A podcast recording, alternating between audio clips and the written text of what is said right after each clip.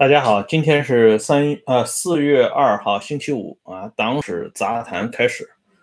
今天这个党史杂谈啊，我们来开启另外一个话题啊，这个就是跟毛泽东晚年有最直接的关系啊。这段话题呢很有意思啊，我们先来讲一下今天要说的内容。今天要说的内容呢，还是跟昨天有联系，就是讲的还是这开国大将。王树声的这么一段往事啊，王树声给了儿子王鲁光两记耳光，为的就是要保全徐向前的儿子徐小岩的安全啊。从中呢，也可以看出王树声这位曾经担任过红四方面军副总指挥，与曾经担任过四方面军总指挥。徐向前这一家人的深厚的感情，而在历史上，我们都知道，这红四方面军跟这红一方面军那是矛盾重重啊。这王树声这个人，在两大方面军闹内讧的时候，立场非常坚定啊，他非常清楚自己的屁股应该坐在哪一边只不过呢，那个时候，按照后来的呃政治研判。王树声的屁股坐歪了，这里呢就引出了一段往事，就是今天我们要说的这开国大将王树声要拔枪毙了这位开国中将欧阳毅。这欧阳毅啊，曾经在红五军团担任过政治保卫局局长。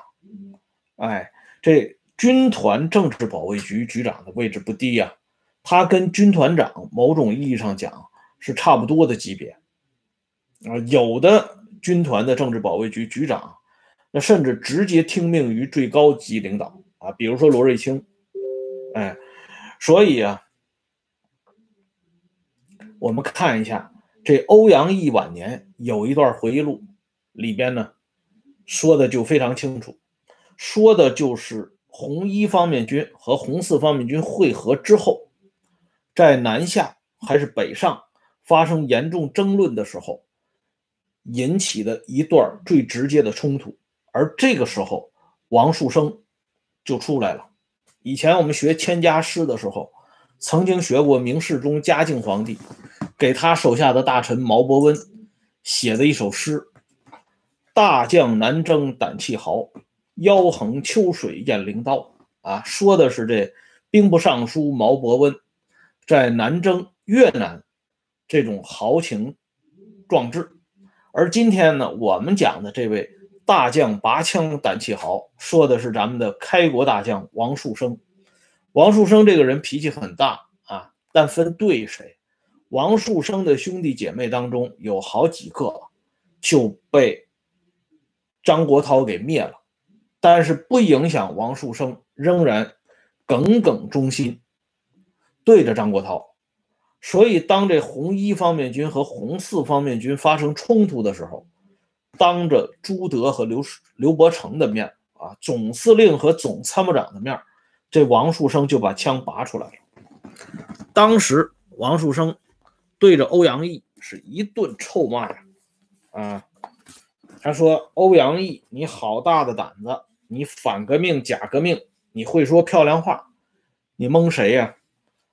五军团不听指挥，我来指挥你；总部不处理你，我们纵队司令部来处理你。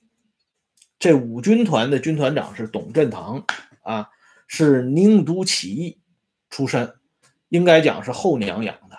所以这董振堂之前就被张国焘的秘书黄超打了一记耳光，朱德就在现场啊。朱德的警卫员潘开文晚年有过专门的回忆。这董振堂挨了耳光之后呢，只能抱头痛哭，不敢有一点的反应。后来董振堂呢，也就这折在这个啊张国焘的这秘书黄超手里。哎，那黄超敢打董振堂耳光，这王树声就更厉害了。王树声就敢拔枪要灭了欧阳毅。这欧阳毅是什么概念呢？欧阳毅是毛泽东井冈山的老部下。当年啊，一九二九年的时候，人家欧阳毅一度是伟大领袖的难兄难弟。关于难兄难弟这个词，我昨天给大家形容过，不是什么人都可以使用的啊，尤其在党内，它有严格的界限。可是呢，在王树声眼中，非我族类，其心必异啊，跟我只要不是一伙的，就肯定有猫腻儿。哎，他就要处理这个欧阳毅。就在这千钧一发之际，朱德发话了。朱德就说了一句话：“你们干什么呢？”欧阳毅，给我进来。就这一句话，王树声看在朱德的份上，这把枪呢。重新给掖起来了，所以欧阳毅晚年的时候说过这么一段话，他说：“若不是总司令挺身而出保我，我就危险了。”这句话包含的内涵就太多了。哎，这位王树声呢，脾气的暴躁啊，立场之坚定，于此可见一斑。不过后来啊，由于这个张国焘已经垮了。红四方面军灰溜溜的，那王树声从外地被人家给赶回了延安，没地方安排工作，所以那个时候有人就缺德啊，提出来说王树声发牢骚，从外地回到延安，他自己说没地方给他安排工作，那就让他去领一个炊事班，学一学做饭。这件事情呢，一下子就飘到了毛泽东的耳朵里，毛就知道这情况了。毛马上就把总政治部副主任谭政，这就是另外一个开国大将啊，也是毛的顶尖亲信，把谭政叫来了，说：“你去了解一下，我听说王树声从外地回来，到处发牢骚，啊，有人呢还要给他发配，这是怎么一个情况？”谭政呢就去了解了一下，谭政了解回来之后呢，说王树声发牢骚呢是真的，但是咱们这帮兄弟呢，对待红四方面军也确实太不客气了，啊，原来当着师长的都一律给变成了营长，啊，原来变呃原来当这个营团长的就直接给变成大头兵了。还有相当一部分人啊，不管你原来是什么级别，一律。当总务科科长，管这个后勤、军队这块、政工这块、组织这块、人事这块，四方面军一个人都没有。哎，这就不要怪王树声发发牢骚。毛泽东一听说，那好吧，你们把王树声给我叫来。哎，于是呢，就把王树声给叫来了。毛毛泽东一见王树声，首先伸出自己宽厚的手掌，握住。王树声啊，这个无措的手足啊，对王树声说了一句话：“人回来就好。”就这一句话，把这王树声给感动的差一点就哭了。从此以后，这王树声呢，就死心塌地的跟着伟大领袖走了啊，一直到晚年，那都是忠心耿耿。哎，所以呢，从这个张国焘到毛泽东，我们看一下。人家为什么喜欢工农干部？工农干部就是特别好摆弄啊！人家没有别的想法。这晚年的王树声呢，在临终之际，伟大领袖专门派周恩来同志去看望他。啊，这周恩来呢，风尘仆仆的赶到医院，这时候王树声离嗝屁已经不远了。这个时候呢，恩来同志就握着王树声的手说：“啊，树声同志。”我来晚了，啊，王树声特别感激，说总理怎么来了？因为总理那个时候呢，工作太忙了，啊，家里外边一肩挑，所以王树声感到特别的感动。周恩来说：“我是代表党中央、代表主席来看望你的。”这王树声啊，更感动了，并且呢，周恩来继续忽悠王树声。说你是红四方面军的一面旗帜啊！这王树声拼尽人生的最后力气，啊，说了一句话：“我做的还不够啊！”啊，确实不够，因为他光拔枪啊，没开枪。这个确实不够。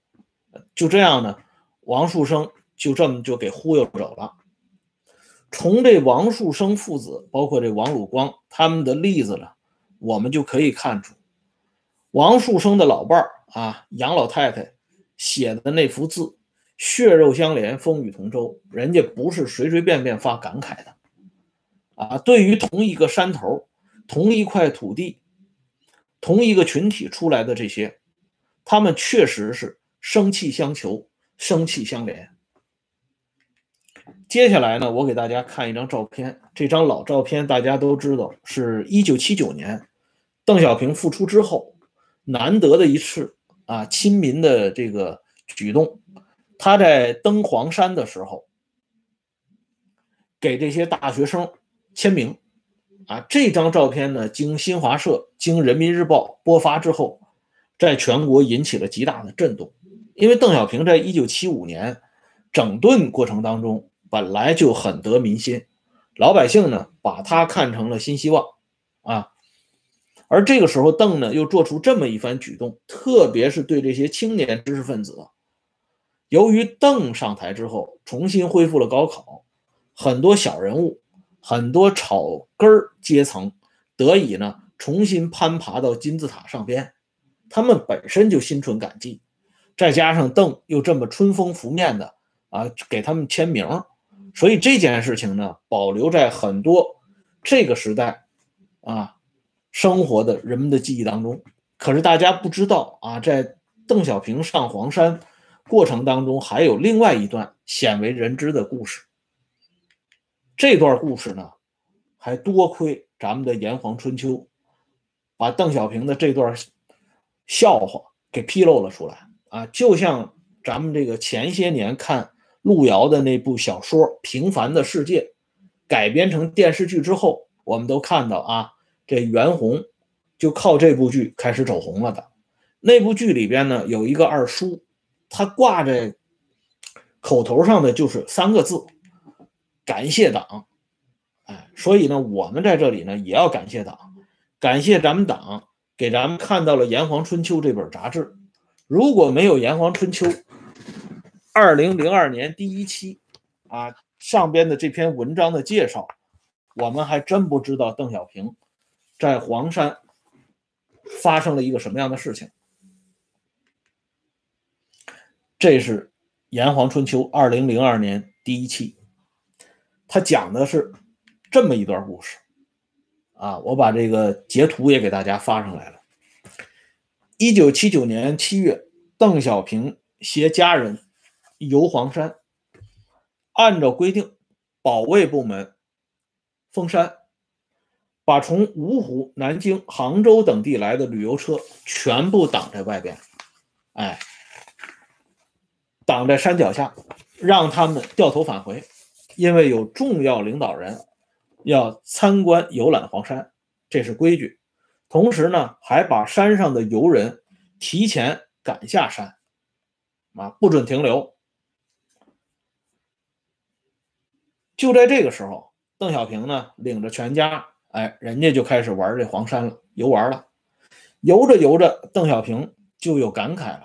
这小平同志呢，看到这个山里边没人，就不禁的感慨的对陪同人员说：“黄山风景这样好，怎么没有人来观赏呢？”哎，这就想让我们想起当初这。晋惠帝司马衷说过的那句名言：“何不食肉糜乎？”啊，还有蔡太师的孙子不知道大米从什么地方来。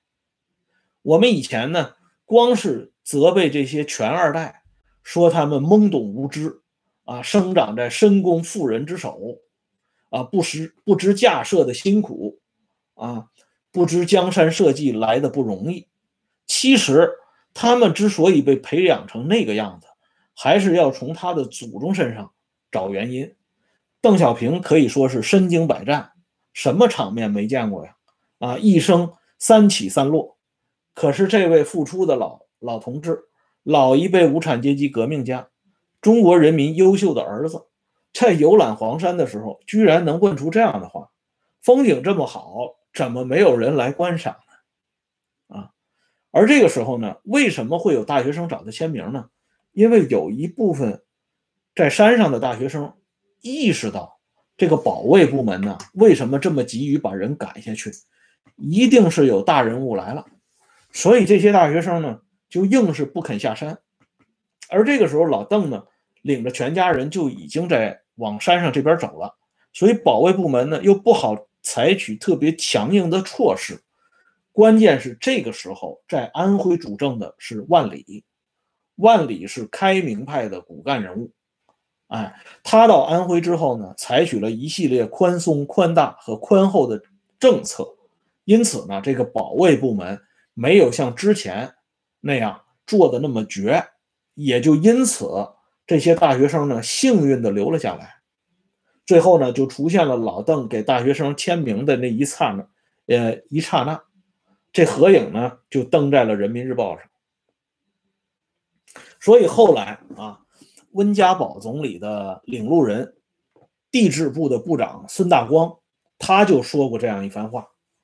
这是八十年代末第四期《瞭望周刊》上有一篇采访孙大光的访问记啊。孙大光就说：“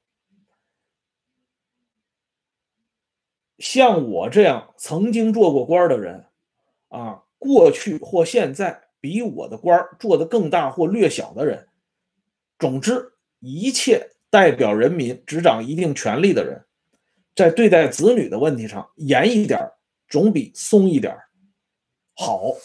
啊，这是孙大光晚年的这么一段回忆，他的这番感慨其实也是首先从自己身上找找原因，而访问记之所以。把邓小平上黄山以及孙大光这番感慨放在一起，登在《炎黄春秋》二零零二年第一期这篇文章当中，其实就在提醒大家，不管这个领导干部啊，他上升到什么程度，不能脱离人民群众。一旦脱离了人民群众，他一定会说出“何不食肉糜乎？黄山风景这么好，怎么就没有人来看看？”这样的荤话。哎，这种话呢？既可以发生在晋惠帝司马衷身上，也可以发生在那些啊身经百战的老一辈无产阶级革命家身上，一点都不奇怪。但实际上又不可能不脱离人民群众，因为对权力的追求，最终的极致就是要爬到金字塔的塔尖上。一旦爬到塔尖上之后，你怎么可能跟？底层的这些草根儿还有任何形式的互动呢？所以，我们从这些例子里边，我们就可以看到，这种执政模式发展到最后，就一定会出现“何不食肉糜乎”的现象，而他们的子女沿着他们老一辈人所走过的道路，最终呢，也一定会出现类似司马衷和蔡太师、孙子这类的笑话。我们再给大家看一个例子，这个人是溥仪点过名的，大清朝王就王在二王三贝勒。这个贝勒呢，就是定亲王府出的贝勒，军机大臣玉朗。这个玉朗的玄祖父啊，就是他太爷的老爹，是大清朝定公亲王绵恩。绵恩是谁呢？爱新觉罗绵恩是乾隆最喜欢的孙子之一，他是定亲王永璜的二儿子啊。后来呢，乾隆皇帝指定绵恩承袭定亲王，而这个绵恩呢，身上还有一点这个祖宗留下的痕迹，就是说这小伙子呢，年轻的时候就特别好动，练得一身好武艺。所以乾隆皇帝看到他啊这么有本事，就让他统领京师的火器营特种部队啊。哎，这个人啊武艺非常超群，弓马娴熟。可是历史上对他评价并不高，说绵恩这个人貌美而内昏。为什么这么说？举一个例子，有一年啊，北京这个正阳门突然起火了，这绵恩。带领火器营，啊，带领他手下管辖的这个队伍呢去救火。这火起来以后啊，正好啊就延及到啊这个正阳门附近啊一些这个呃就是操持皮肉生意的啊这些啊买卖人家了，这大家也都知道啊，这我就不用详细跟大家描述了。所以这时候呢，就有一些妓女啊也出来避难。啊，这个妓女呢，穿的跟一般的这个女同志穿的她就不一样，花花绿绿，什么都有。然后呢，他们站在一家的这个门檐下，就躲避这个大火。绵恩指挥救火的时候，刚巧就看到了这些啊，穿着呃怪异、花花绿绿的这些女的啊。绵恩就感慨了，绵恩说：“你看啊，这也不知道谁家这么有福气啊，养了这么多姑娘，穿的还这么好看。”陪伴在这位定王爷身边的这些手下都不敢笑出声来啊！